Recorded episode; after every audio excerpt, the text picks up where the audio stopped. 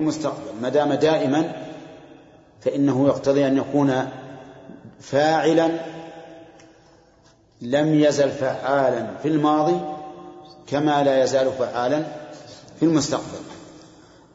أولست تسمع قول كل موحد يا دائم المعروف والسلطان. أولست تسمع هذا الاستفهام التقرير الجواب نعم ولا؟ بلى. بلى. نسمع. كل واحد من أهل التوحيد يقول يا دائم المعروف والسلطان. والدوام يقتضي التسلسل في الماضي والتسلسل في المستقبل وإلا لم يكن دائما.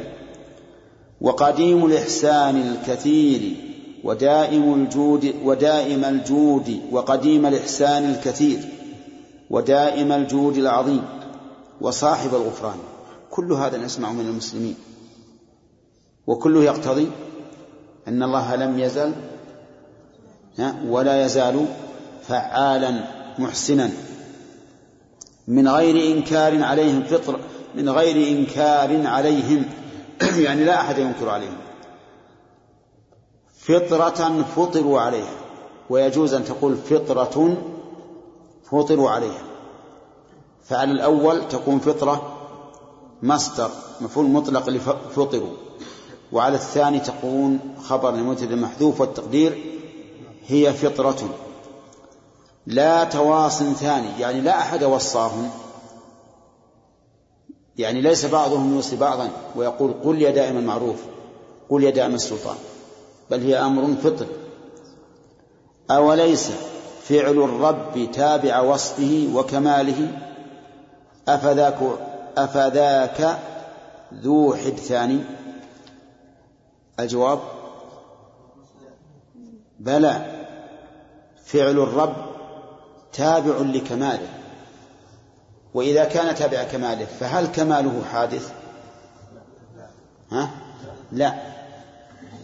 الفعال أكمل ممن لا يفعل.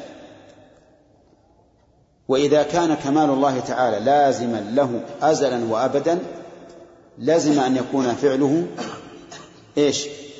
لازما له أزلا وأبدا فالله لم يزل ولا يزال فعالا. طيب قال وكمال وكماله سبب الفعال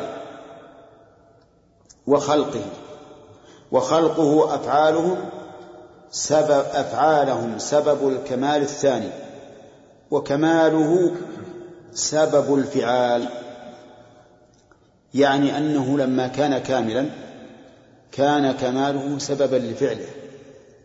ومن المعلوم أن المسبب لا يتأخر عن السبب فالكمال لازم أبدا الفعل إذن لازم أبدا. وخلقه أفعالهم يعني خلق أفعال العباد سبب الكمال الثاني. حطوا يعني مثلا الله تعالى لم يزل خالقا فاعلا. فإذا خلق الشيء صار هذا كمالا ثانيا تبين به الكمال الأول لأنه لا يظهر لنا كمال الله عز وجل إلا بمخلوقاته.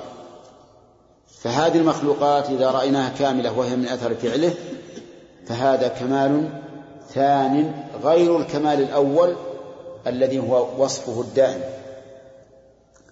أو ما فعال الرب عين عين كماله؟ أفذاك ممتنع على المنان؟ الجواب لا ليس بممتنع. فإذا كان فعل الله هو عين كماله فهو لم يزل كاملا.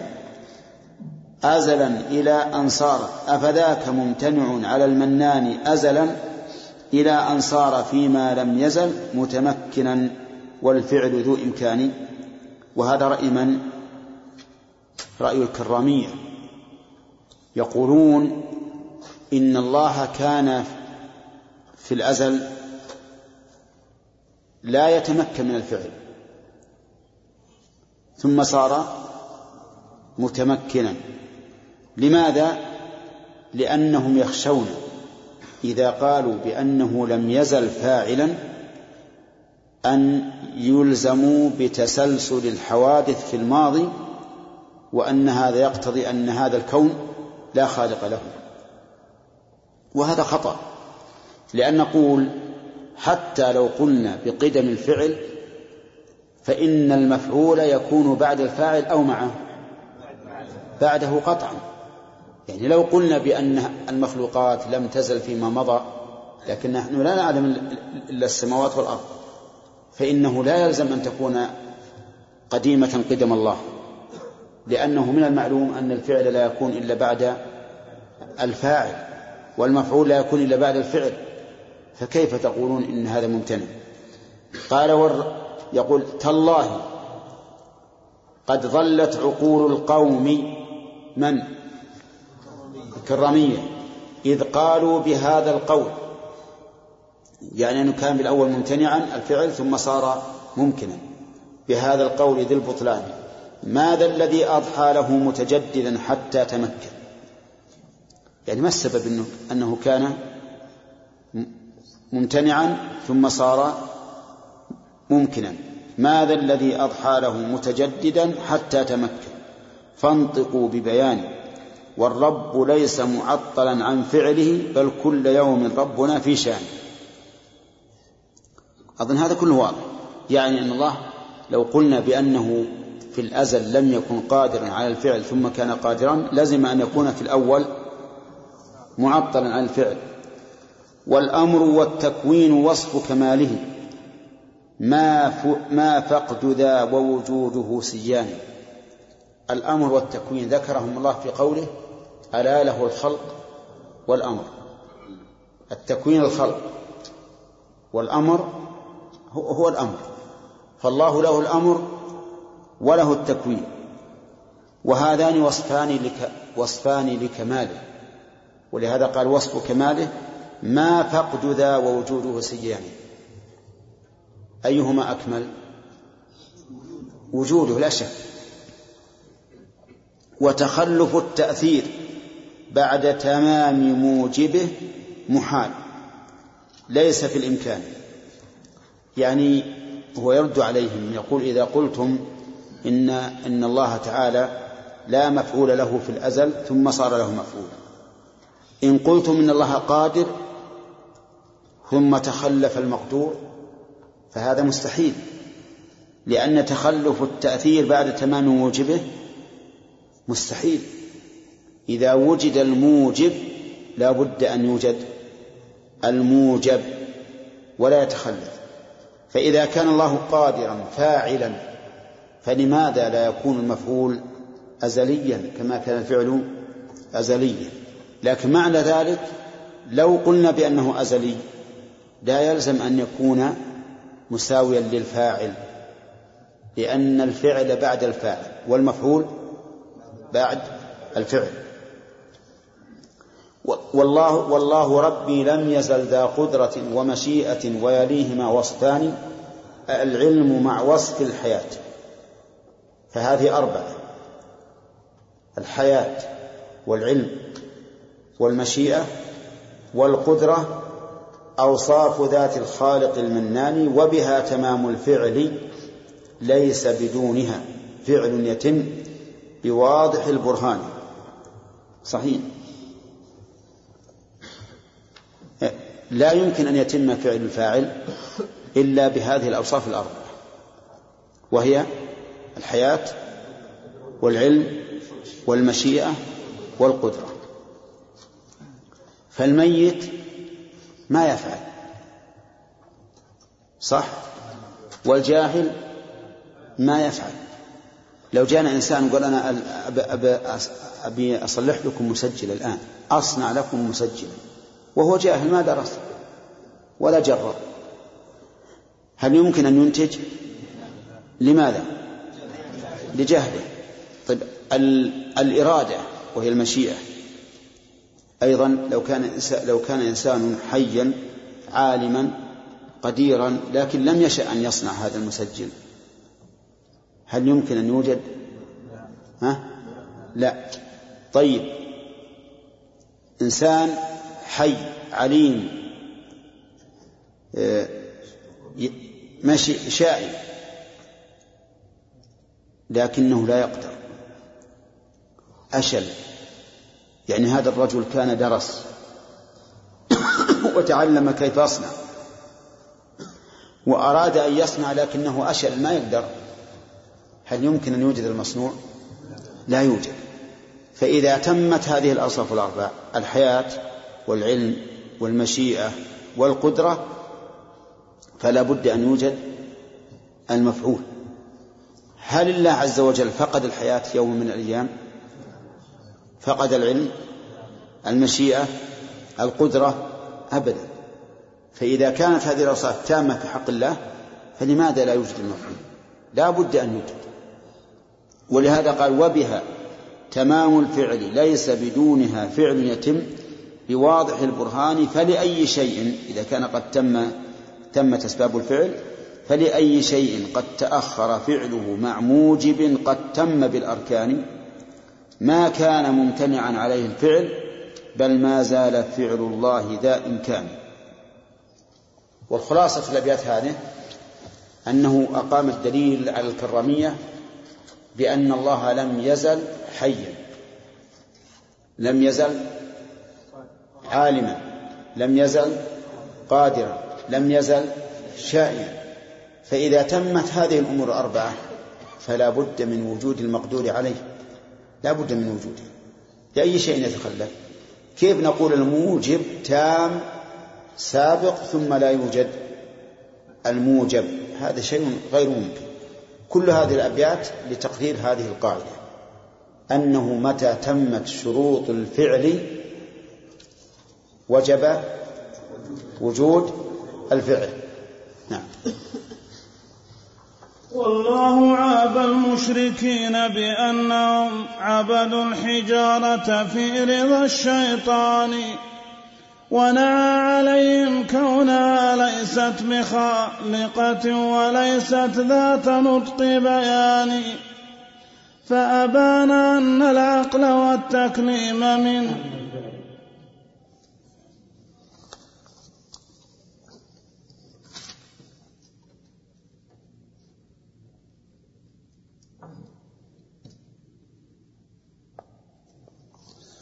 فأبان أن الفعل والتكريم من أوثانهم لا شك مفقودان.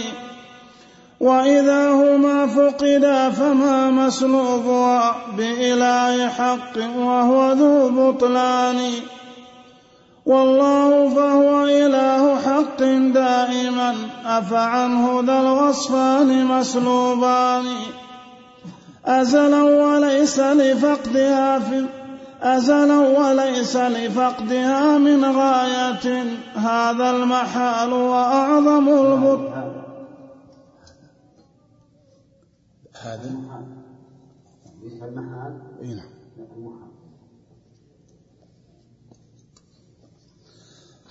أزلا وليس لفقدها من غاية هذا المحال وأعظم البطلان. طيب في هذه القطعة يقول مالك رحمه الله إن الله عاب المشركين لأنهم عبدوا التجارة في رضا الشيطان؟ ونعى عليهم. كونها ليست بخالقة. يعني أنها لا تخلق. والذين يدعون من دون الله لا يخلقون شيئا. وهم يخلقون. ليست بخالقة. وليست ذات نطق نطق بيان. يعني أنها لا تتكلم.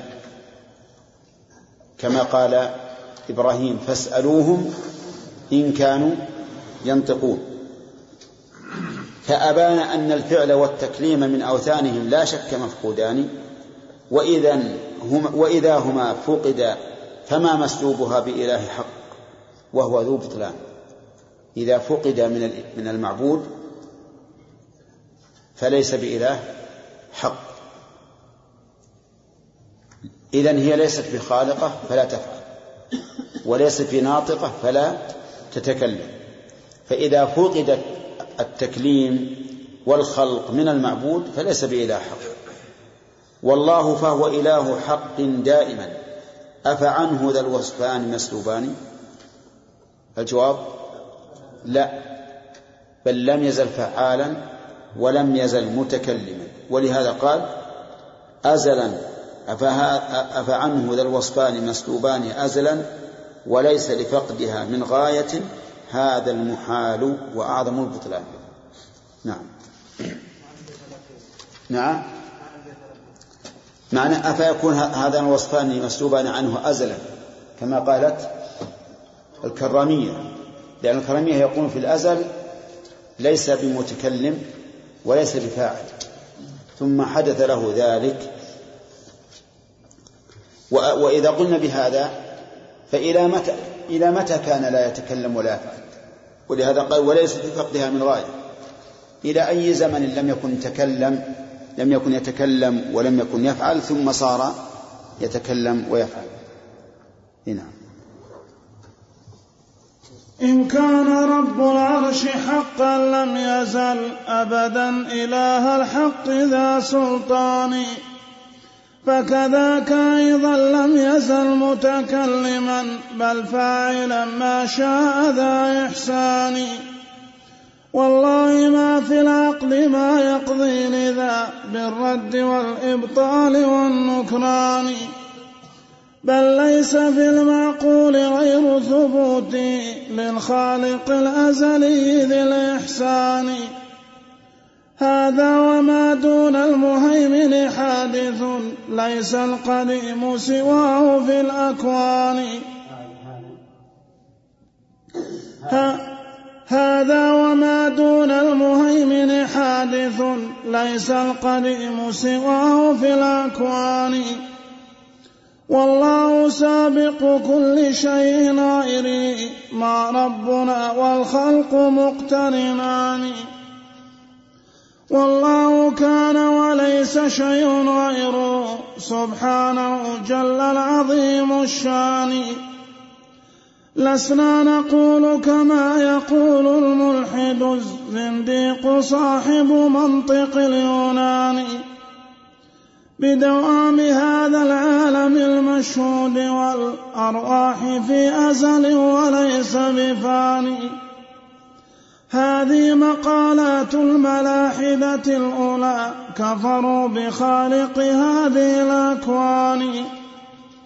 وأتى ابن سينا بعد ذاك مصانعا للمسلمين فقال, فقال بالإمكان.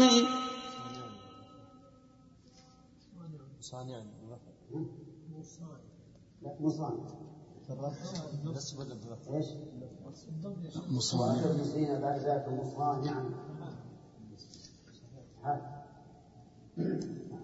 وأتى ابن سينا بعد ذاك مصانعا للمسلمين فقال بالإمكان لكنه الأزلي ليس بمحدث ما كان معدوما ولا هو فاني. وأتى بصلح بين طائفتين بينهما. وأتى بصلح بين طائفتين بينهما الحروب وما هما سلمان. أنا يكون المسلمون وش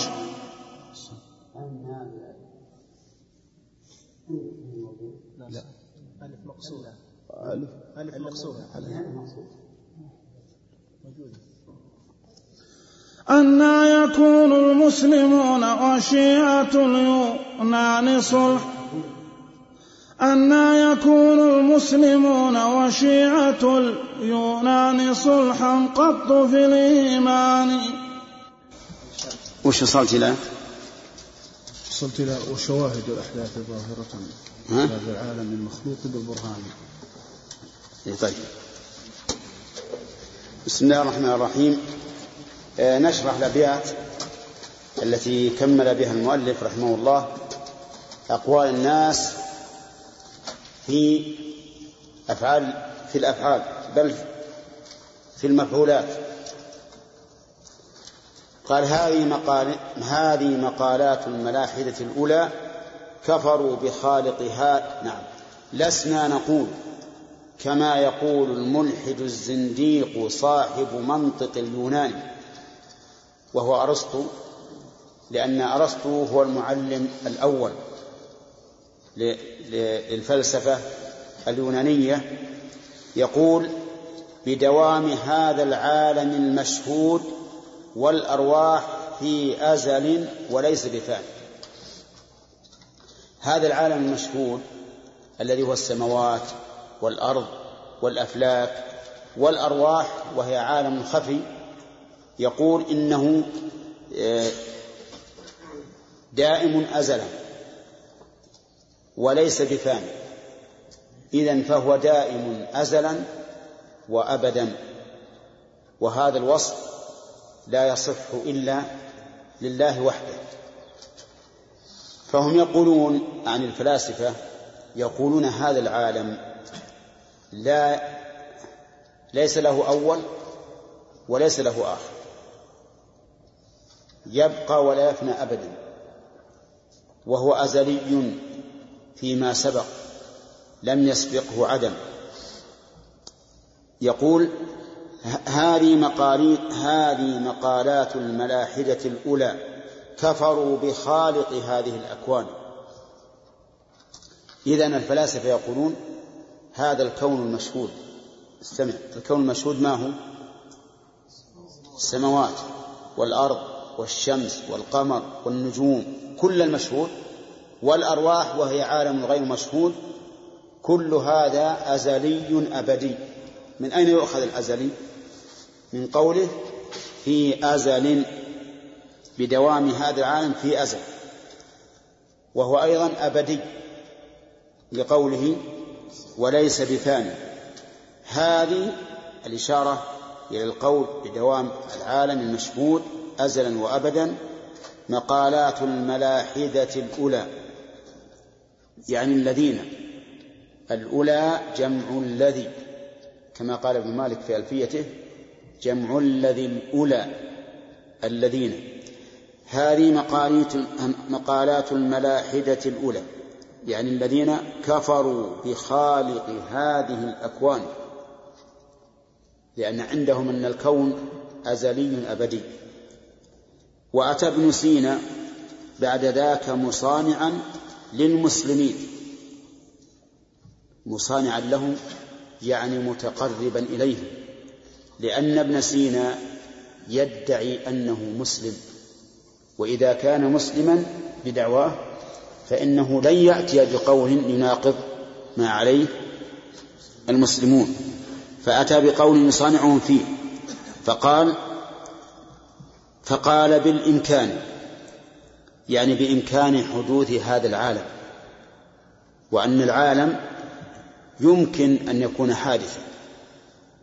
والفلاسفة الذين قبلها أرسطو وأتباعه يقولون إن العالم إيش؟ أزلي لا يمكن أن يكون حادثا. أما ابن سينا فأتى فقال فقال بالإمكان لكنه الأزلي ليس بمحدث. ما كان معدوما ولا هو فان ليش الكلام؟ يقول إنه ممكن أن يكون حادثا لكنه أزلي. فما الفرق بينه وبين الفلاسفة؟ الفلاسفة يقول يمتنع أن يكون حادثا. وهو يقول يمكن لكن ليس بحادث. فالفرق بينه وبينهم أنه يقول يمكن أن يكون حادثا وهم يقولون لا يمكن. المسلمون ماذا يقولون؟ يقولون يجب أن يكون حادثا. يجب أن يكون حادثا لأن كل ما سوى الله فهو حادث بعد أن كان عدما. فصار هذا الرجل كالمنافقين. لا إلى هؤلاء ولا إلى هؤلاء. لا هو الذي قال بقول الفلاسفة بأن كونه حادثا ممكن ولا بقول المسلمين بأن كونه حادثا إيش؟ واجب. بل قال يمكن لكن مع ذلك هو أزلي ليس بمحدث. ما كان معدوما هذا التسلسل في الأول ولا هو فاني التسلسل في المستقبل. وأتى بصلح بين طائفتين بينهما الحروب وما هما سلمان. أتى بصلح بين إيش؟ بين المسلمين الذين قالوا بوجوب حدوث العالم وبين الفلاسفة الذين قالوا باستحالة وجود باستحالة حدوث العالم وأن العالم أزلي. قال نبي نجمع بينكم. نقول إيش؟ يمكن أن يكون حادثا ولكن ليس بحادث. يمكن لأجل يدفع قول من؟ الفلاسفة. وليس بحادث ليدفع قول المسلمين. طيب يقول يقول هو إنه ممكن ليدفع قول من؟ الفلاسفة. يقول ليس بممكن. ويقول إنه أزلي ليدفع قول المسلمين. فيقول نصلح بينكم.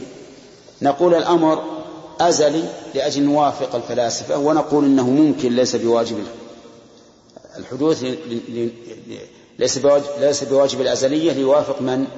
المسلمين. لكن ابن القيم يقول أتى بصلح بين طائفتين بينهما الحروب وما هما سلمان؟ ما بينهم سلم حرب طاحنة بين المسلمين وبين الفلاسفة. كيف يقول هذا بالإجماع بينكم؟ أن يكون المسلمون وشيعة اليونان صلحا. هل يمكن أن يكون المسلمون الذين يؤمنون بالله وأنه خالق الأكوان؟ هل يمكن أن يصطلحوا مع اليونان الذين يقولون إن هذه الأكوان أزلية أبدية ولا موجد لها؟ لا يمكن. ولهذا قال والقط أن يكون قط في, في الإيمان. كذا؟ نعم. أن يكون المسلمون وشيعة اليونان صلحا قط في الإيمان. لا يمكن أن يصطلحوا في الإيمان بينهما فرق عظيم. ثم قال والسيف بين الأنبياء وبينهم والحرب بينهما فحرب عوان يعني حرب ثائرة دائمة. فهل يمكن الصلح؟ لا. قال وكذا أتى الطوسي بالحرب الصريح بصارم منه وسل لسانه. الطوسي من هو؟ الخوجة نصير الدين. الطوسي الذي استوزره من؟ هولاك خان ملك التتر. هذا هو المسمى عندهم بنصير الدين. ولكن شيخ الإسلام ابن تيمية وتلميذه ابن القيم يسميانه نصير الكفر. نصير الكفر. وصدق. ونصير الكفر كما سمعتم في درس الليلة الماضية ما حصل منه على المسلمين مع من وازره وهو ابن العلقم نعم. يقول وكذا أتى الطوسي بالحرب الصريح بصارم منه وسل لسان. يعني أتى بسلاحين. الصارم وهو السيف واللسان وهو القول بما عنده من الوشاية حتى قضى على المسلمين في بغداد. وأتى إلى الإسلام وأتى إلى الإسلام يهدم أصله من أسه وقواعد البنيان. عمر المدارس للفلاسفة الأولى. كفروا بدين الله والقرآن. هذا الرجل الخبيث عمر المدارس. لكن لمن؟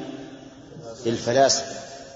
يدرس فيها علم الفلسفة. الذي هو صد عن سبيل الله. كما يوجد الآن في بلاد المسلمين من أدخل على منهج المسلمين وثقافتهم فلسفة الغرب وشطحات الغرب وفساد الغرب حتى أضعفت المواد الشرعية من أجل إقحام هذه المعلومات التي تدمر الأديان والأخلاق. بل فقدت العلوم الشرعية من بعض البلاد الإسلامية فلم تكن في مناهجهم. والله أعلم ربما لو حصل لهؤلاء الذين أقحموا هذه العلوم في المناهج والمدارس لو حصل أن يقضوا على المواد الدينية في البلاد التي فيها المواد الدينية لقضوا عليها. لكنهم يخشون من سقط العامة فأبقوا شيئا من المناهج الدينية وأضعفوها ثم أحلوا محلها هذه المقررات التي فيها الكفر الصريح في بعضها كفر صريح.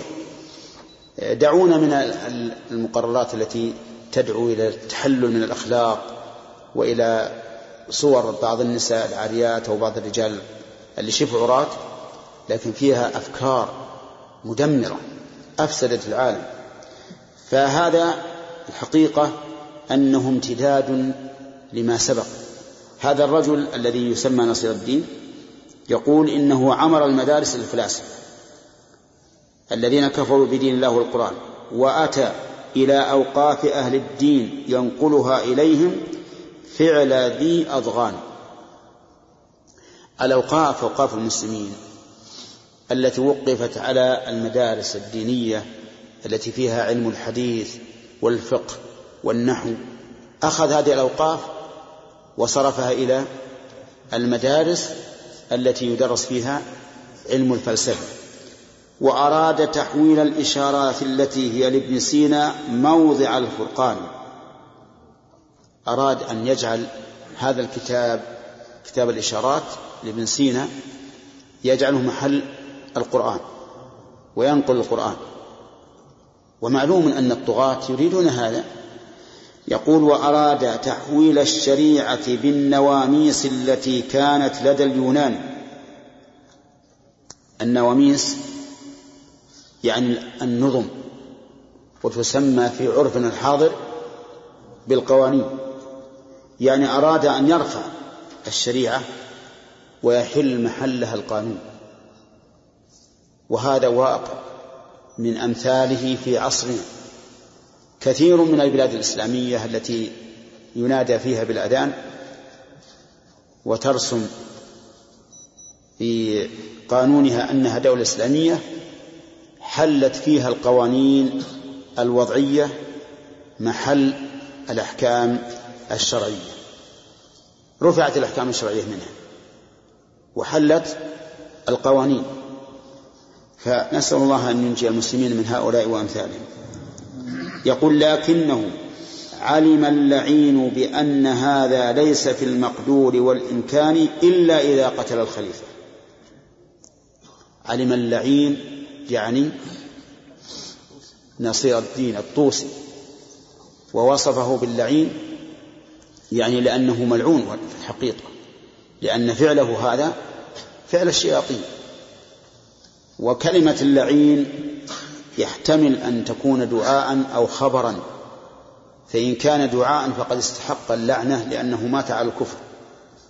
وإن كان خبرا فهو أهل لذلك. إلا إذا قتل الخليفة والقضاة وسائر الفقهاء في البلدان فسعى لذلك. سعى لإيش؟ قتل الخليفة والقضاة والفقهاء. وسمعتم في الدرس الماضي ما حصل. من أنه أشار بأن يتقدم هو ابن العلقمي أن يتقدم الخليفة ومعه القضاة والأشراف والأعيان وأنه لما أقبل على الملك هلاكو فصل بين الملك بين الخليفة وبين هؤلاء القضاة والأشراف وقضى عليهم ثم فاوض الملك ثم رجع ثم حصلت النهاية في الجولة الثانية. قال فسعى لذاك وساعد المقدور بالأمر الذي هو حكمة الرحمن. الله أكبر. ساعد المقدور قد مقدور الله عز وجل الذي هو حكمة الرحمن. والله عز وجل لا يفعل شيئا إلا لحكمة. يعني قد تقع المكاره والمصائب العظيمة لكن الذي قدرها هو الله. والله عز وجل لا يقدر شيئا إلا لحكمة. قال فأشار أن يضع التتار سيوفهم في عسكر الإيمان والقرآن لكنهم يبقون أهل صنائع الدنيا لأجل مصالح الأبدان. نعم. أشار أن يوضع السيف في أهل في أهل الإيمان. وأما أهل صنائع الدنيا مثل أصحاب الحرف ومثل ما سبق أنه أبقى اليهود والنصارى ومن؟ والرافضة. نعم؟ وبعض التجار. أهل صنائع الدنيا والحرف أبقاهم. اليهود والنصارى والرافضة أبقاهم. لأن هؤلاء لا ضرر منهم. لأنهم لا يمكن أن يقوموا ضد عدو الإسلام أبدا. فلذلك أبقاهم فغدا على سيف التتار الألف في مثل لها مضروبة بوزان. ألف في ألف مليون. يعني قتل ألف ألف. هذا واحد. وكذا ثمان مئينها في ألفها مضروبة بالعد والحسبان. كم تكون؟ ثمانمائة ألف. يعني مليونين إلا مئتي ألف. كلهم قتلوا في بلد واحد وفي هجوم واحد مع أن البشر في ذلك الوقت أقل من البشر في هذا الوقت. يعني يمكن أن يكون هذا العدد يمثل النصف أو أكثر من أهل بغداد. كلهم قتلوا. نسأل الله العافية. حتى بكى الإسلام أعداه. ترى عندكم بالهمزة أعداء. بالهاء نعم. حتى بكى الإسلام أعداه. يعني أعداء الإسلام.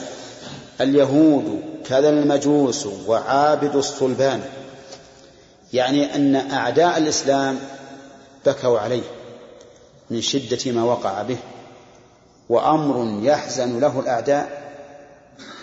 فادح ما بعده فداحة أعداء الإسلام صاروا يبكون الإسلام وأهله. كذا المجوس وعابد الصلبان يعني النصارى كشف اللعين النفس من حزب الرسول وعسكر الإيمان والقرآن. وبوده شفى النفس نفس يعني نفسه من حزب الرسول وعسكر الإيمان والقرآن. وبوده لو كان في أحد وقد شهد الوقيعة مع أبي سفيان لأقر أعينهم وأوفى نذره أو أن يرى متمزق اللحم اللحمان. يعني هو يود أنه كان في أحد مع أبي سفيان مع المشركين. ومن حربه؟ الرسول عليه الصلاة والسلام. لأقر أعينهم وأوفى نذره أو أن يرى متمزق اللحمان يعني أنه تمنى أن يكون في أحد حتى يقر عينه ويشفي صدره بقتل النبي عليه الصلاة والسلام أو أن يتمزق, يتمزق لحمه دونه. نسأل الله العافية. اللهم عافنا. نعم. وشواهد الأحداث ظاهرة على ذا العالم المخلوق بالبرهان. وأدلة التوحيد تشهد كلها بحدوث كل ما سوى الرحمن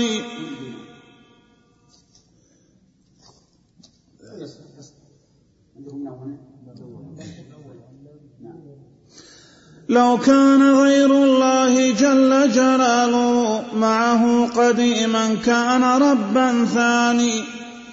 إذ كان عن رب العلا مستغنيا فيكون حينئذ لنا ربان. والرب باستقلاله متوحد أفممكن أن يستقل اثنان لو كان ذاك تنافيا وتساقا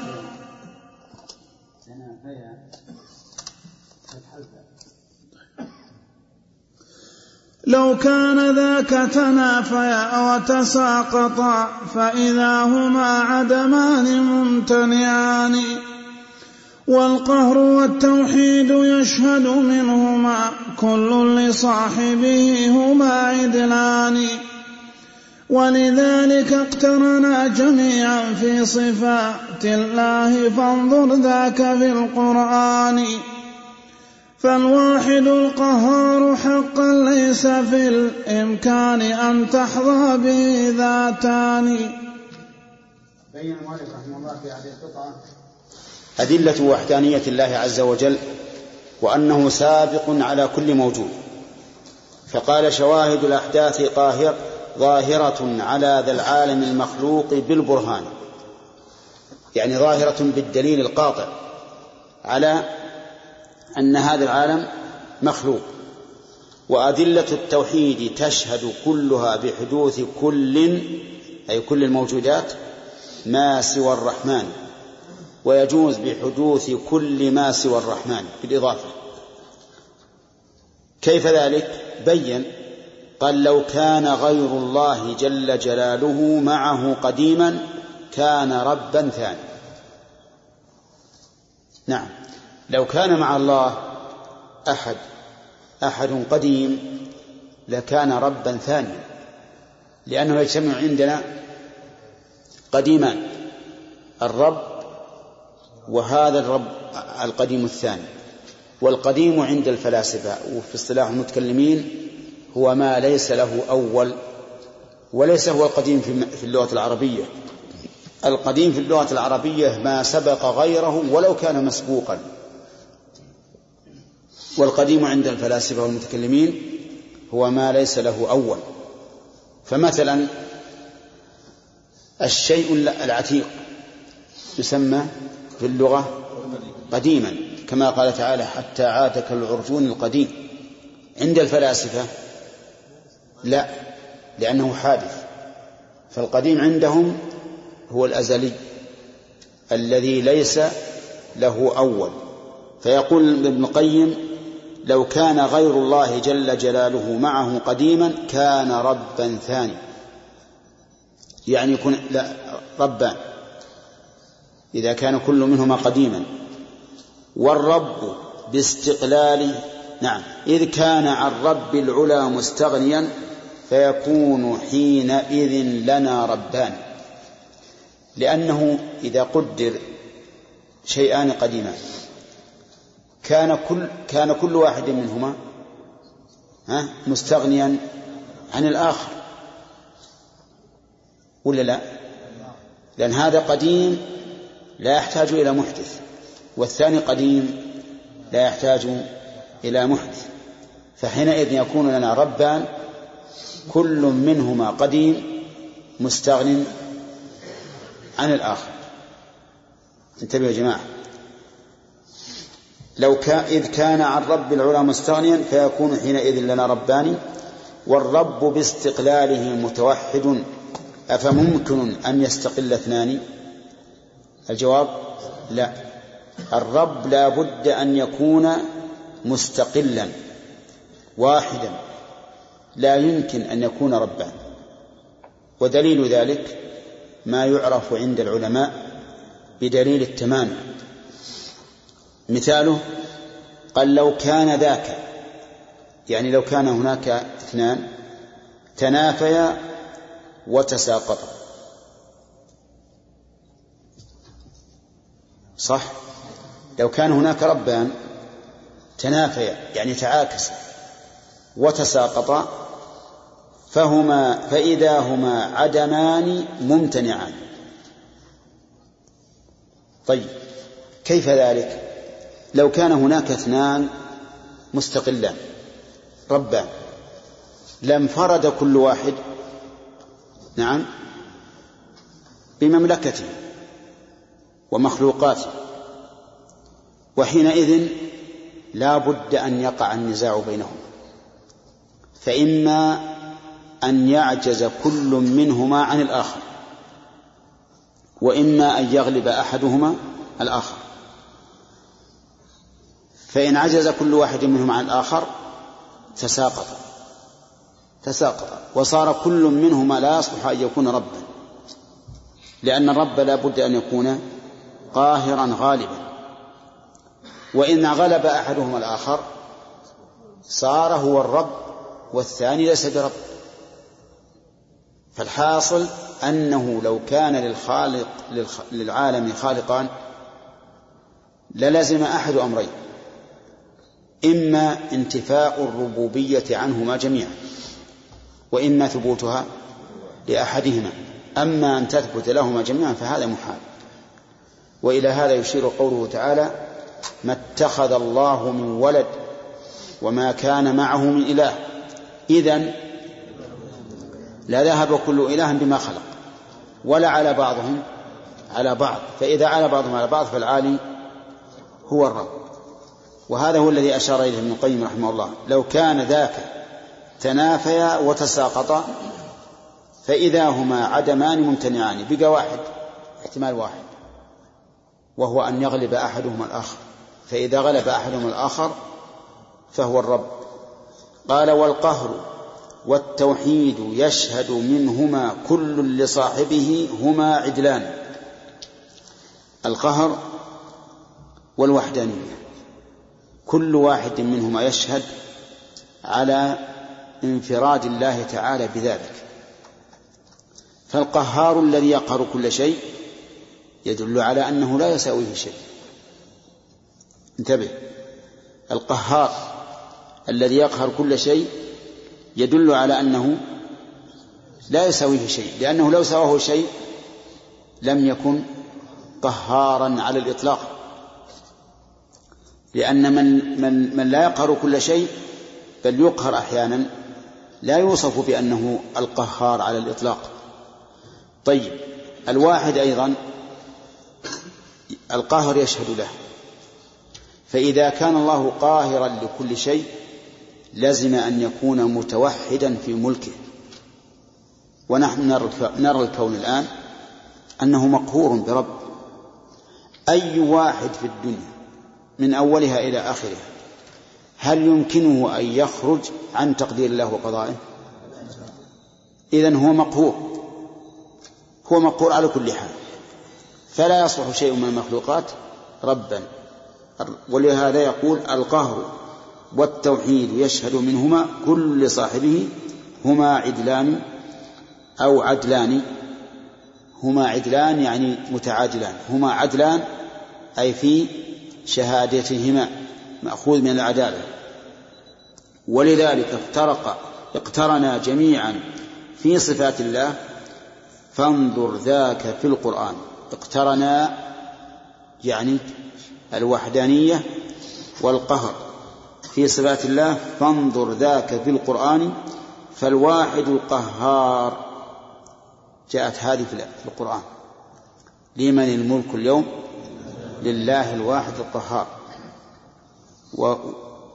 وبرزوا وبرزوا الله الواحد القهار. فالواحد قهار حقا ليس في الإمكان أن تحظى به ذاتان. الخلاصة الآن خلاصة هذا الباب كله أن مذهب أهل السنة والجماعة أن الله تعالى لم يزل ولا يزال فعالا. لم يزل ولا يزال فعالا.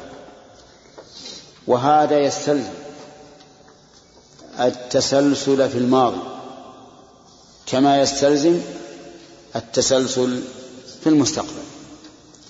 أما التسلسل في المستقبل فقد دل عليه القرآن والسنة دلالة صريحة. كل نص فيه أبدية النار وأبدية الجنة فهو دليل على إيش؟ التسلسل في المستقبل. يعني أنه لا نهاية له. لا نهاية للجنة ونعيمها ولا نهاية للنار وجحيمها. وهذا في القرآن. التسلسل في الماضي اشتبه على كثير من من علماء السنة. فقالوا لا يمكن التسلسل في الماضي. لأننا لو قلنا بوجوب بجواز التسلسل في الماضي لو قلنا بذلك لزم أن تكون المخلوقات أزلية. أزلية مقارنة للخالق. ومعلوم أن هذا مستحيل. ومن قال إن المخلوقات مقارنة للخالق وأزلية بأزليته كان كافرا مشركا. لكن شيخ الإسلام رحمه الله وجماعة من أهل العلم قالوا نحن نقول بالإمكان. بل بوجوب أن الله لم يزل ولا يزال فعالا. ولكن من المعقول الذي يدركه كل عاقل أن المفعول نتيجة الفعل وأن الفعل صفة الفاعل. إذا فالفاعل متقدم ولا لا؟ متقدم. حتى لو قلنا بأزلية الحوادث فإن ذلك لا يلزم أن تكون مقارنة للواحد القهار مقارنة لله لأن الله فاعل ثم فعل ثم مفعول. إذا فالحوادث الحوادث مقارنة لله في الوجود ولا لا؟ غير مقارن فهذا المحذور الذي فررتم منه ليس بلازم. لكن لو قلنا إن الله تعالى معطل عن الفعل أزلا ثم فعل. فهذا تحكم. تحكم من وجهين. الوجه الأول أنه في الوقت الذي يكون معطلا في الفعل يكون ناقصا. يكون ناقصا. حطوا بالكم لهذا. الوقت الذي يكون معطلا في الفعل يكون ناقصا. فإن قالوا لا نقص لأن الفعل يتبع الحكمة. فإذا اقتضت الحكمة ألا يفعل فلم يفعل صار ذلك كمالا أو نقصا؟ كمالا. فنقول نعم أنتم إذا سلمتم هذا وقلتم بجواز التسلسل لا لعذرناكم لكن أنتم تقولون بامتناع التسلسل. فيكون الفعل في الأول إيش؟ ممتنعا. ممتنعا. ليس متأخرا لحكمة. يكون ممتنعا. فنقول ما الذي جعله ممتنعا على الله؟ ثم صار ممكنا. وإلى متى كان ممتنعا؟ ألف سنة ألفين سنة آلاف السنين ثم صار ممكنا. ما من يقول؟ إن قلتم صار ألف سنة ثم صار حادثا قلنا أين الدليل؟ إن قلتم عشر سنوات ثم صار ممكنا قلنا أين الدليل؟ إن قلتم سنة ثم صار ممكنا قلنا أين الدليل؟ إن قلتم يوما ثم صار ممكنا قلنا أين الدليل؟ إذن قولوا بأن الله لم يزل ولا يزال فعالا وأن تسلسل الحوادث في الماضي ممكن بل هو من مقتضى كماله وحينئذ لا لا, يمكن أن أن أن تقولوا خطأ أو زللا. لأننا نقول بذلك. نحن. ولكننا نحن وأنت نعلم أن الف... أن المفعول إيش يقع بعد؟ بعد الفعل. وأن الفعل وصف الفاعل فلا بد أن يكون الموصوف متقدما. واضح؟ وهذا بالحقيقة لا إشكال فيه. مع أنه لما برز الشيخ الإسلام رحمه الله في تقريره ثارت عليه الدنيا. ثارت عليه الدنيا وقالوا هذا مشرك أشرك بالله جعل مع الله إلها ثانيا. وقامت عليه الدنيا. وقد قيل فيه قصائد. في ذكرها في الطبعة ذكرت في الطبعة الأولى من منهاج أهل السنة والجماعة. قصيدة طويلة. فيها الرد على شيخ الإسلام في هذا الرأي وفيها قصيدة أخرى معارضة لها مناقضة لها.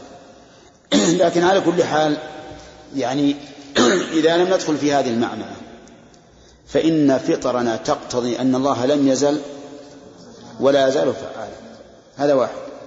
عقولنا أيضا تقتضي بأننا لو قلنا بأزلية الحوادث فليست مقارنة لمن؟ للمحدث وهو الله عز وجل ليست مقارنة.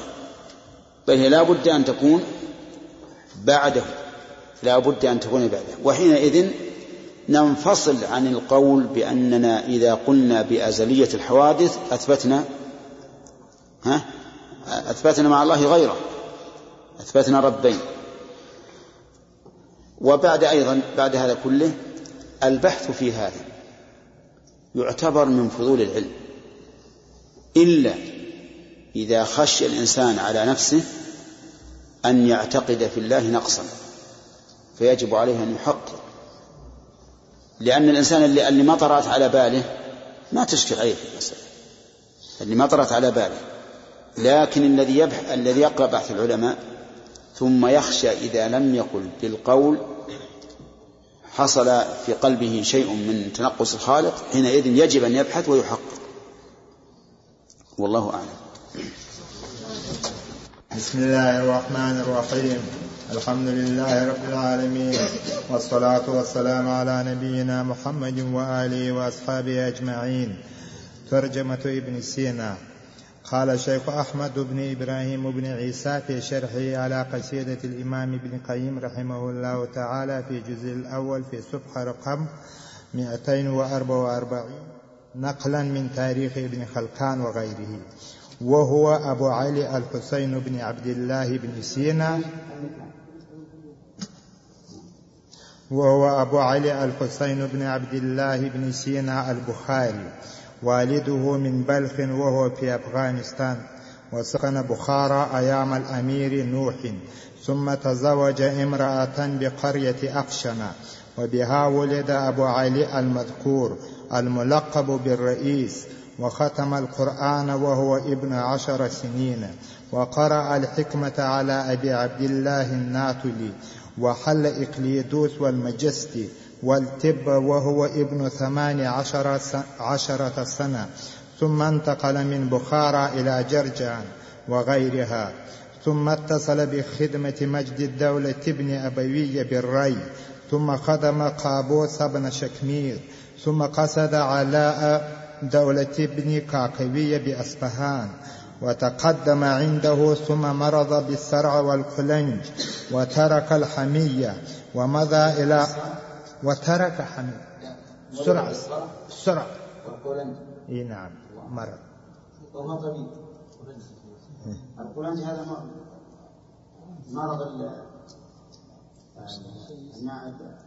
هو القبض في البطن المعاني الغريب وترك الحمية. ومضى إلى همذان مريضا ومات بسنة أربعمائة وثمانية وعشرين. وعمره إحدى وخمسون سنة. قال ابن خلكان ثم إن ابن سينا لما أيس. ها؟ خلي كان ثم إن ثم إن ابن سينا لما أيس من العافية على ما قيل ترك المداوات واغتسل وتاب وتصدق بما معه على الفقراء. ورد المزالم على من وخد وجعل يختم في, في كل ثلاثة أيام ختمة. مات بهمذان يوم الجمعة من شهر رمضان. وقيل مات في السجن. وولادته سنة ثلاثمائة وسبعين. والله أعلم. وله مئة مصنف. منها كتاب الشفاء في الحكمة والإرشاء والإشارات. وفي الطب والقانون وغير وله شعر ومنه قصيدة الشهيرة في الروح والله أعلم. هذا إذا صح الخبر أنه تاب ورجع إلى الله فهذا خير. هذا خير. وقد يقول قائل إذا كان كذلك فلماذا لم يكتب بتوبته؟ فنقول ربما إنه تاب في زمن متأخر فأدركه الأجل قبل أن يكتب. على كل حال نسأل الله إذا كان مؤمنا مات على الإيمان أن يغفر له. نعم.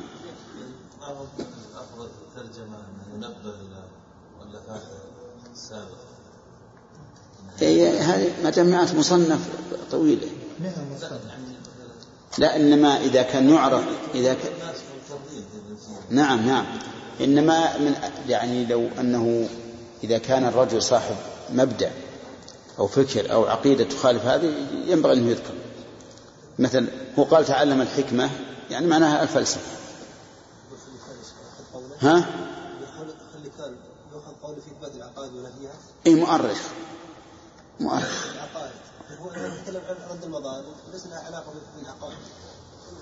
لا يقول تاب.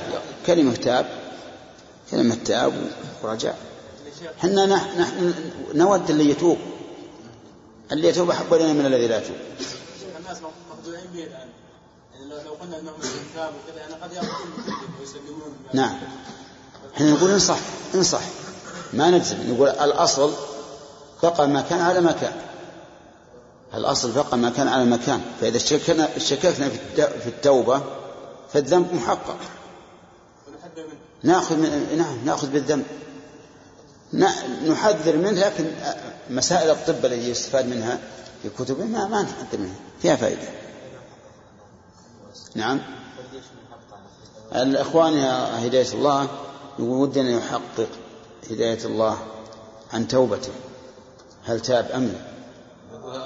هذا قال إي لا يقول ما نبي ينقل لنا من من شرح إبراهيم بن عيسى.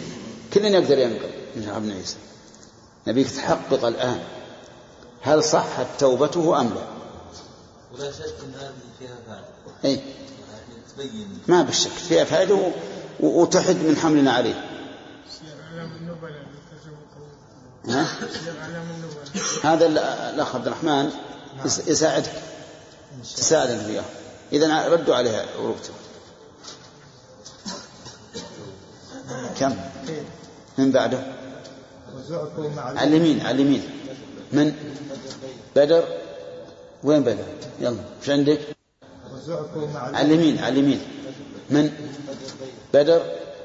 وين بدر؟ يلا إيش عندك؟ عبد الله طيب نعم.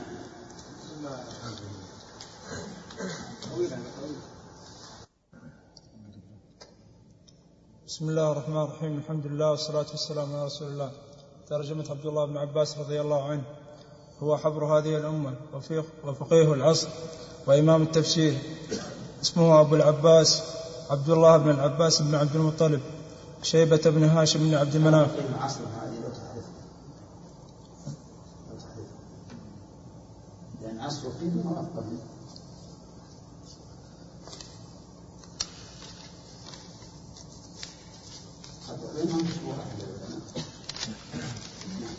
ترجمان القرآن.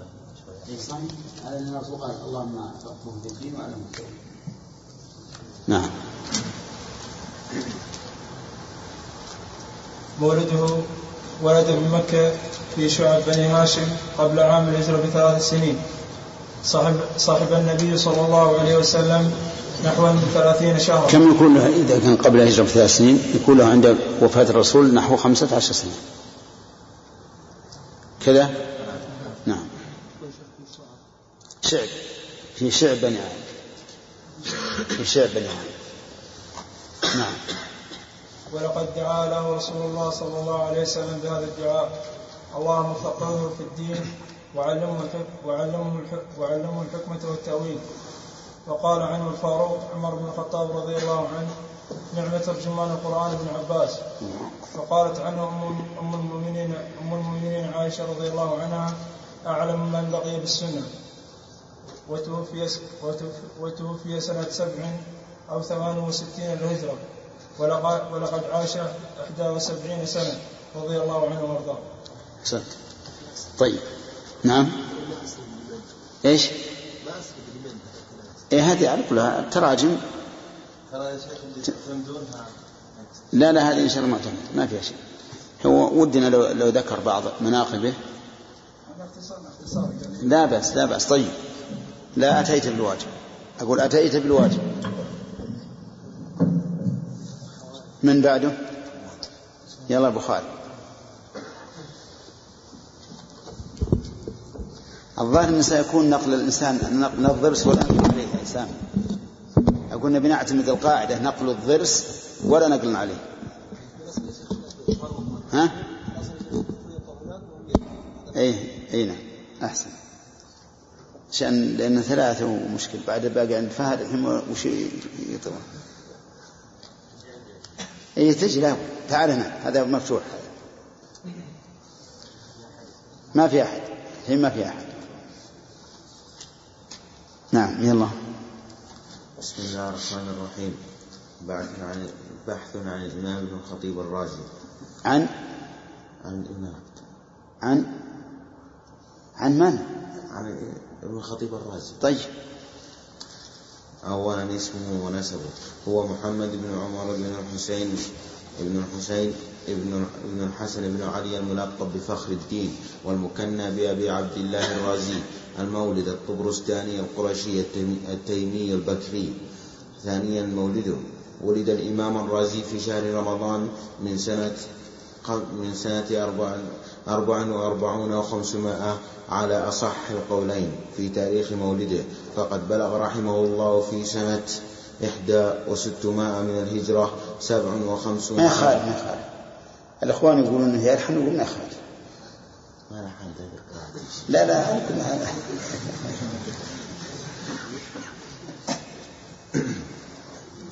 إحدى وستمائة من الهجرة.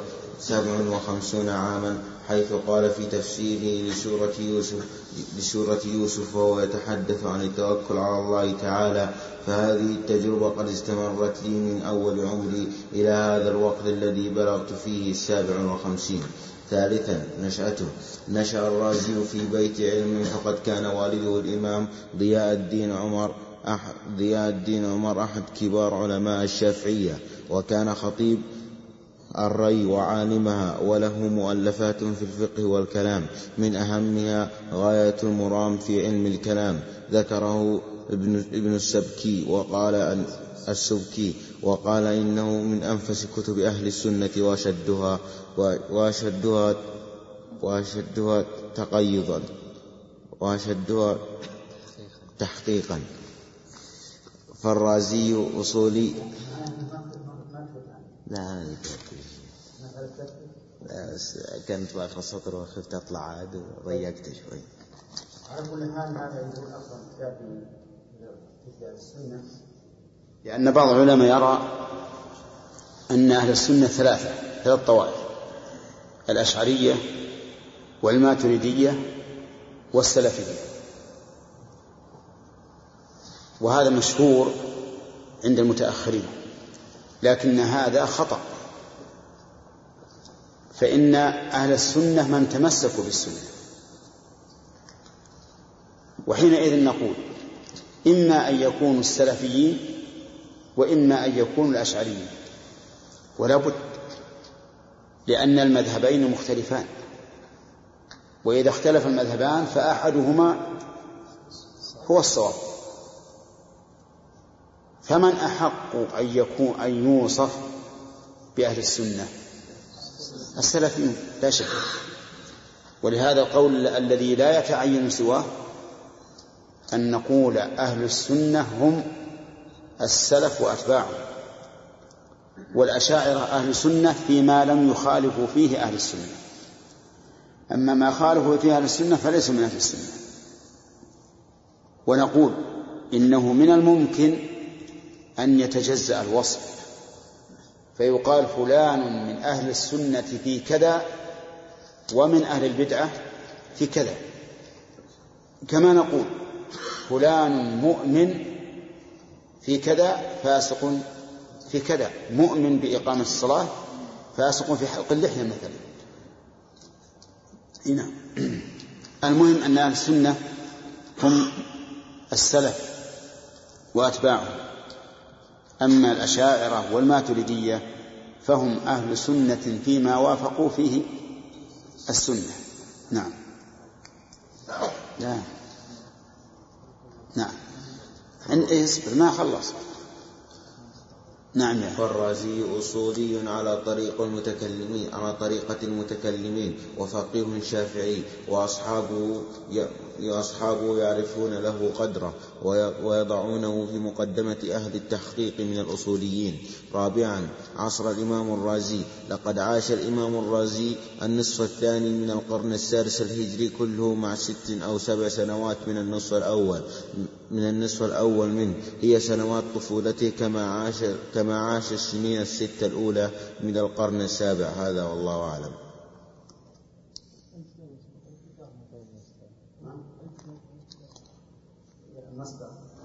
مصدر كتاب الأصول. الثاني اقرأ. اي خلها معك. يقرأ فهد من قريب ها؟ ابدأ بنفسك. بسم الله الرحمن الرحيم. الحمد لله رب العالمين. والصلاة والسلام على نبينا محمد وعلى آله وصحبه أجمعين. أما بعد فهذا مختصر فهذا بحث مختصر جدا عن أبي سعيد عثمان بن سعيد الدارمي السجستاني الحافظ صاحب التصانيف. وهو منسوب, وهو منسوب إلى دار بن مالك بن حنظلة بن زيد مناه بن تيم أحد بطون تميم الكبار. وهو صاحب التصانيف كان جذعا وقدما في أعين المتبعة قيما بالسنة ثقة, ثقة حجة ثبتا توفي في ذي الحجة. سنة ثمانين ومائتين وقد ناهز الثمانين ومن أهم كتبه الرد على الجهمية وهو مطبوع متداول. ترجم له وترجم له في البداية والنهاية الجزء الحادي عشر التاسعة والستين وتذكرة الكفار في شجرات الذهب. ولادته؟ ها؟ توفي سنة 280 وقد ناهز الثمانين مات كم؟ 208 وقد نهز الثمانين 200 فوق فوق ال 200 ناهزها يعني قاربها. يعني يمكن 203 الكثير قال عنه انه ولد قبل ال 200 أجل فوق الثمانين. سنة 280 أجل فوق الثمانين. نعم. الحين في ملاحظة إخوان كل واحد يختلف. وش الاشياء الاساسيه التي ما نتنازل عنها؟ أي ال- ال- الولادة والوفاة والعقيدة. مؤلفات المؤلفات أشهر مؤلفات نعم. عندك؟ أنا عندي شيخ أبو أبو منصور المازويدي أي آه، قال إنه من أصحاب أبي حنيفة. قال آه، النعمان عندك هو عندك بحثه؟ لا بس أنا بحثت في شرح أبي عيسى قال إنه ليس أبو أبي منصور إنما هو الطحاوي فأتيت بترجمة الطحاوي أي طيب خل نخلص من علي السلطان. بسم الله الرحمن الرحيم. أبو عبد الله بن صالح القحطاني. أبو عبد الله محمد بن صالح القحطاني المعافري الأندلسي المالكي. رحل إلى المشرق فسمع بالشام من خيثمة بن سليمان وبمكة أبا سعيد بن الأعرابي وببغداد إسماعيل بن محمد الصفار وسمع بالمغرب بكر بن حماد التاهرتي ومحمد بن وضاح وقاسم بن أصبغ وغيره وبمصر جماعة من أصحاب يونس والمزني وروى عنه أبو عبد الله الحاكم وقال اجتمعنا به بهمدان مات بالبخارى سنة آه، ثلاثمائة وثلاث ثلاثمائة وثلاثة وثمانين وقيل سنة ثمان وقيل سنة تسع وسبعين وقال فيه أبو سعيد الأندلسي إنه كان من أفاضل الناس ومن ثقاتهم وقال ابن جار إنه كان فقيها حافظا جمع تاريخا لأهل الأندلس وقال السمعاني فيه كان فقيها حافظا رحل في طلب العلم إلى المشرق والمغرب رحمه الله. ومع يقول قال مع من مع أن من ترجم له لا يذكر هذه القصيدة عن النونيين سبحان الله. مشهورة. أقول مشهورة عن الله طيب ما ذكر؟ نعم. وفاء وفاته؟ إلا 350 وب... ولايته ما ما وين لا بس طيب. مراجع الشيخ مراجع. مفح الطيب الجزء الثاني الجزء الثاني والأعلام الجزء السابع. قال كفاية الإنسان من القصائد من القصائد الغير, الغير للحساب وقيل إن اسمه عبد الله بن محمد الأندلسي الأندلسي أبو محمد. خلاص زين ماشي. ها؟ والله أنا ما أدري. تحقيق الولادة؟ ترى أحيانا الولادة ما ما تضبط. لأنه ما يعرف الإنسان إلا بعد ما يشتغل ويكبر. هل لو ذكر عمره؟ خل ما ذكر ما لقى بهذا الوجه نعم. بسم الله الرحمن الرحيم الحمد لله رب العالمين والصلاة والسلام على أشرف المرسلين. هذه ترجمة النصير الطوسي. من؟ النصير الطوسي. اي الله محمد بن محمد بن الحسن نصير الدين الطوسي ويعرف بالمحقق والخواجة. مولده في طوس سنة ها؟ 500 خوجة. لا خوجة. لا اللي عندنا خوجة. من كثير بال- بالألف؟ من كثير ذكر أنه خوجة. إيه لكن بالألف؟ الخواجة غير الخوجة. الذي ترجمه إلى الخواجة. تأكد. تأكد. نعم. مولده في طوس سنة 597 ووفاته ببغداد سنة 672 من تلامذته كم صار عمره؟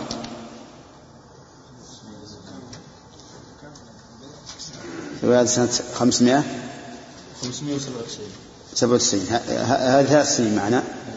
وفاته؟ 672 73 يعني 76 سنة. ست ست 76 69 لا 75 من تلامذته جمال الدين بن مطهر الحلمي وقطب الدين الشيرازي. من مؤلفاته ذكر ابن القيم مصارعة المصارعة. رد فيه على كتاب مصارعة ابن سينا للشهرستاني وفيه كفر وكذلك شرح شرف ابن سينا.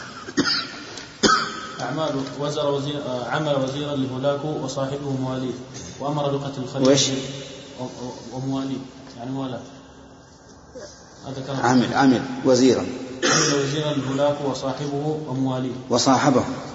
آه، وصاحبه. نعم. أمر بقتل الخليفة في بغداد أيام دخول التتار وزر لأبغى لما استقر على التتار. إيش؟ أبغى. وش اللي قبله قبله؟ وزر لأبغى. وزر. وزر بالراء. إيه. إيه، زين. وزر لأبغى لما استقر على التتار. عمل دور النصر بمدينة مراغة وعمل دور الحكماء والفلاسفة والأطباء والمنجمين.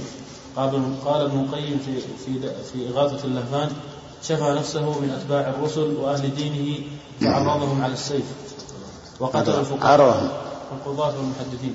نعم. كان من أعوان المشركين الترك لما استولوا على البلاد. أعدم كتب الإسلام من فقه من فقه وحديث وتفسير وغيرها. أعوذ بالله. عقيدته.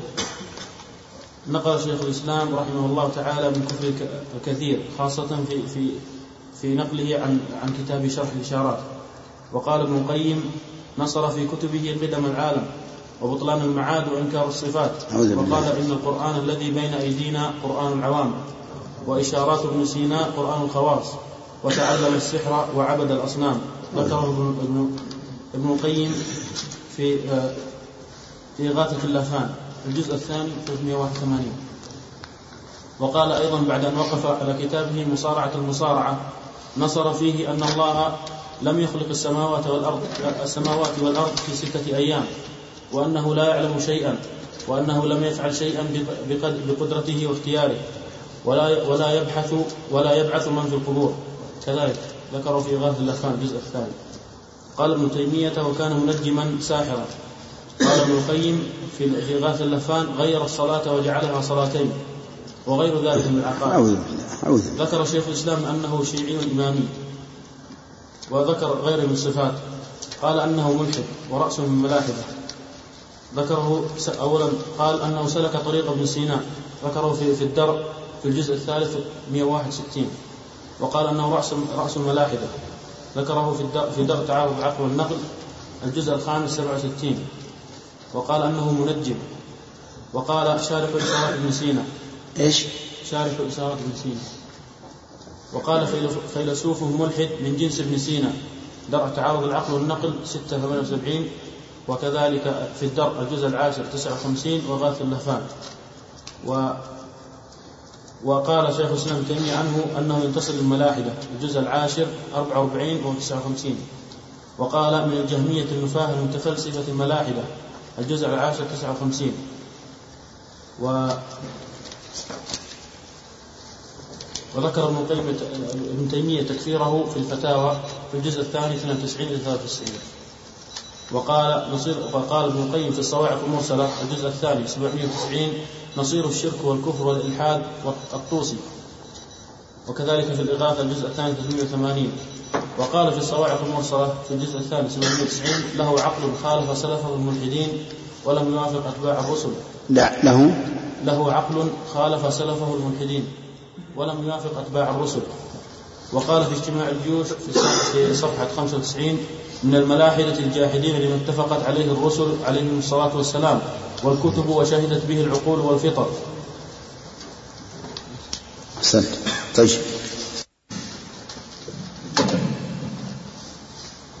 بسم الله الرحمن الرحيم.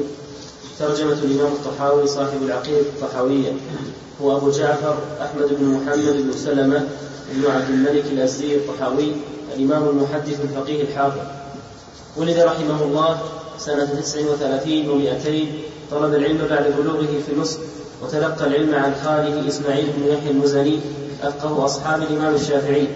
وكان يلاحظ من خاله اختيارات اختيارات وكان يلاحظ من خاله اختياراته الكثيرة من مذهب أبي حنيفة. وقد أودع هذه الاختيارات في كتاب سماه مختصر المزني. فلما لاحظ الطحاوي ذلك اتجه اتجه الطحاوي إلى النظر في كتب أبي حنيفة.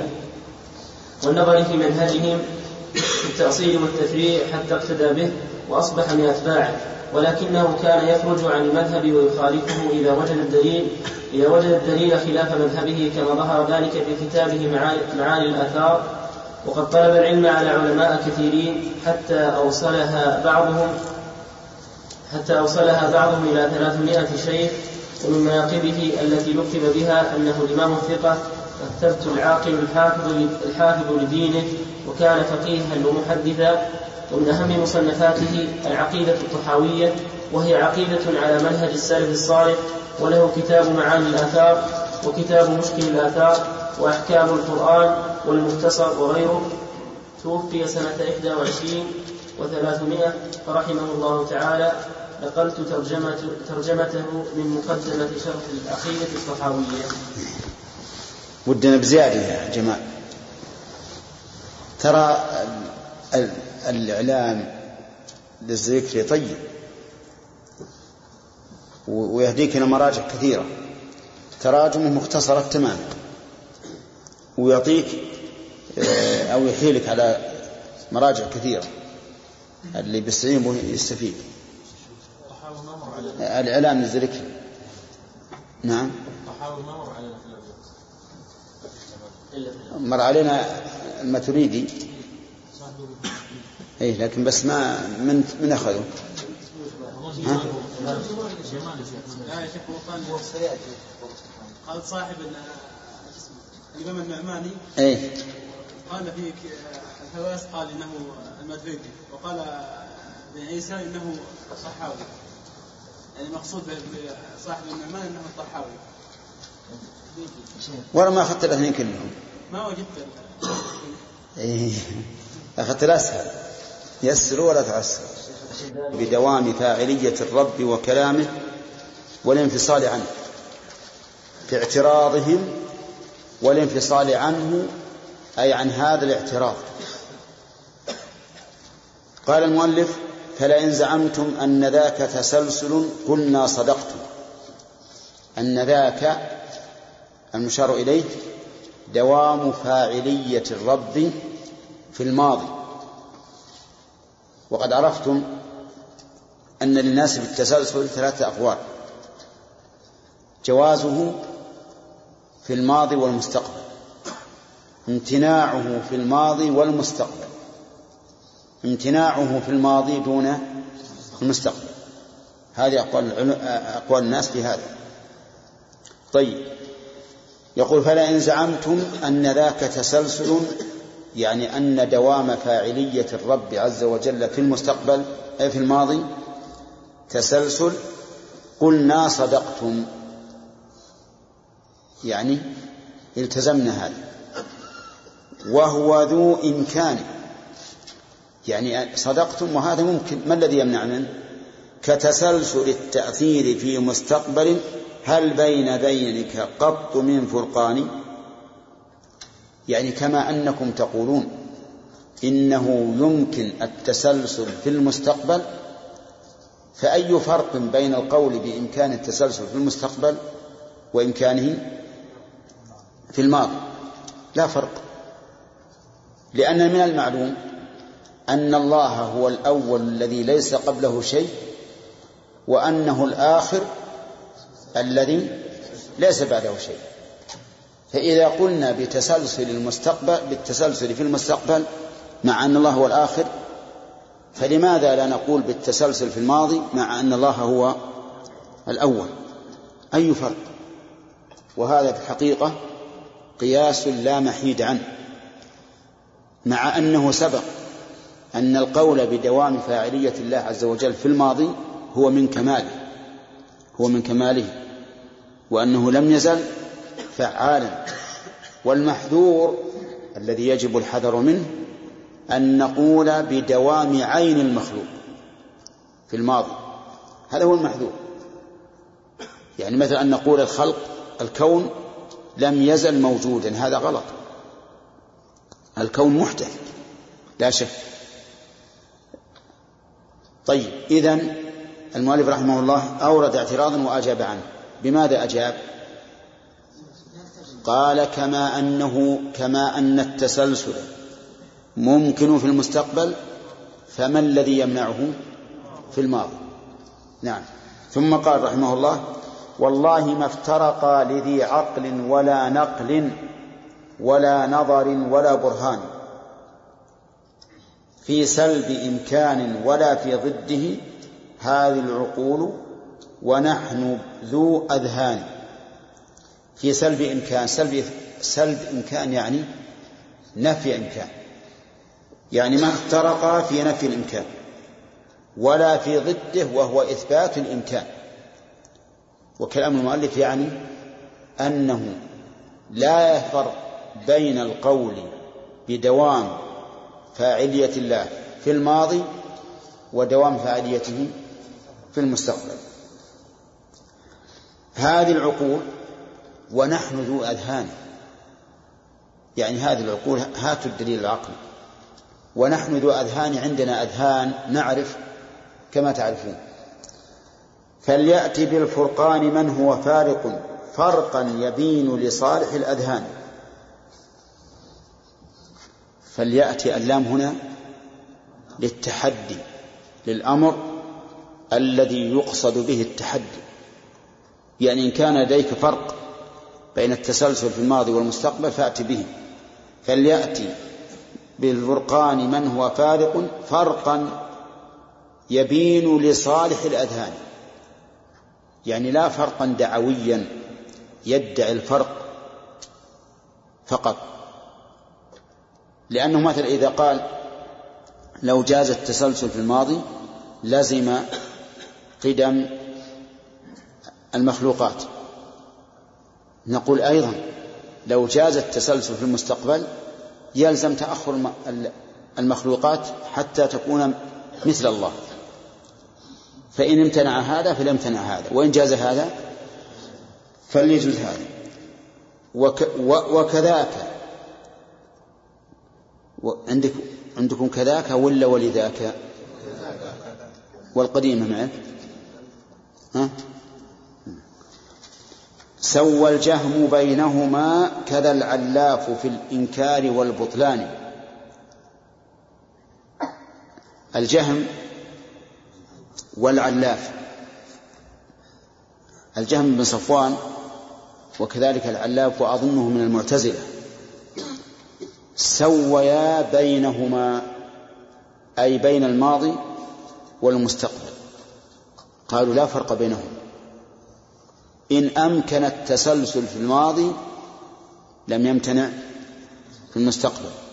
وإن أمكن في المستقبل لم يمتنع في الماضي. ولكنهما يقول ولأجل ذا حكما بحكم باطل قطعا على الجنات والنيران فالجهم أفنى الذات والعلاف للحركات أفنى قاله الثوران جعلهم ثيران. نعم. حكم بحكم باطل على الجنات والنيران. فحكم بأن الجنة تفنى والنار تفنى. لماذا؟ طردا للقاعدة وهي امتناع التسلسل في المستقبل كما يمتنع في الماضي. لكن الجهم أفنى الذات والعلاف أفنى الحركات. الفرق الجهم يقول هذا العالم بجنته وناره سيفنى ولا يبقى إلا الله عز وجل. والعلاف قال لا ما يفنى. تفنى الحركات فقط والذوات تبقى. حتى إنه مر علينا أنه قال إن الرجل إذا كان في الجنة وقد أخذ شيئا ليأكله فقدر الله الفناء فنيت حركاته وبقي هذا الشيء بيده بين مكانه وبين فمه. هكذا. إلى متى؟ أبد الآبدين. دائم. وأنه لو كان على أهله في الجنة لو كان على أهله في الجنة وقدر الله الفناء فني وبقي على أهله أبد الآبدين. كأنهما حجران لاصقان هذا كلام معقول ولا غير معقول؟ هذا غير معقول. هذا يضحك منه السفة فضلا عن العلماء. وأبو علي وابنه والأشعري وبعده ابن الطيب الرباني وجميع أرباب الكلام الباطل المذموم عند أئمة الإيمان فرقوا وقالوا ذاك فيما لم يزل فيما لم يزل حق. وفي أزل بلا إمكان قالوا لأجل لأجل تناقض الأزلي والأحداث ما هذان يجتمعان. لكن دوام الفعل في مستقبل ما فيه محذور من النكران. طيب أبو علي لو عندكم الشرح أنا ما ها؟ ها؟ الجبائي. معتزلي. وابنه أبو هاشم أيضا معتزلي. الأشعري معروف. نعم. أبو الحسن. والأشعري. هؤلاء الثلاثة. وبعده ابن الطيب من؟ طيب الباقلاني الرباني وجميع أرباب الكلام الباطل المذموم عند أئمة الإيمان فرقوا. وقالوا ذاك فيما لم يزل حق وفي أزل بلا إمكان. قالوا لأجل تناقض الأزلي والإحداث ما هذان يجتمعان. لكن دوام الفعل في مستقبل ما فيه محذور من النكران. هؤلاء فرقوا. كل أئمة الكلام فرقوا بين التسلسل في الماضي والتسلسل في المستقبل. فقالوا التسلسل في الماضي ممنوع. ممنوع. لماذا؟ قالوا لأننا لو قلنا بالتسلسل لم تنع الحدوث. لم تنع الحدوث. فلا يجتمع القول بالتسلسل والقول بالحدوث. قالوا لأجل تناقض الأزلي والإحداث كيف نقول إنه أزلي ونقول إنه محدث؟ لأن الأزلي لا يمكن أن يكون محدثا. فلذلك يمتنع التسلسل في الماضي.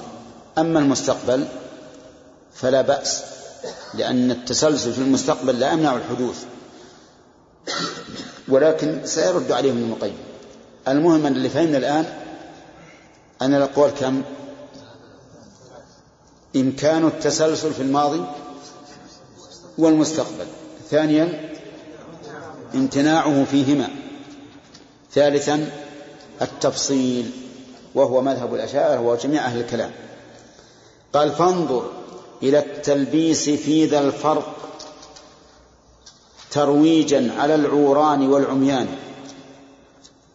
فانظر أيها المخاطب إلى التلبيس. تلبيس معناه الخلط تخليط وعدم التبيين في ذا الفرق.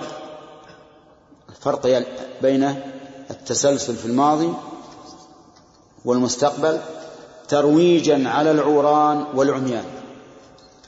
أما من له عينان فإنه لا يروج عليه هذا.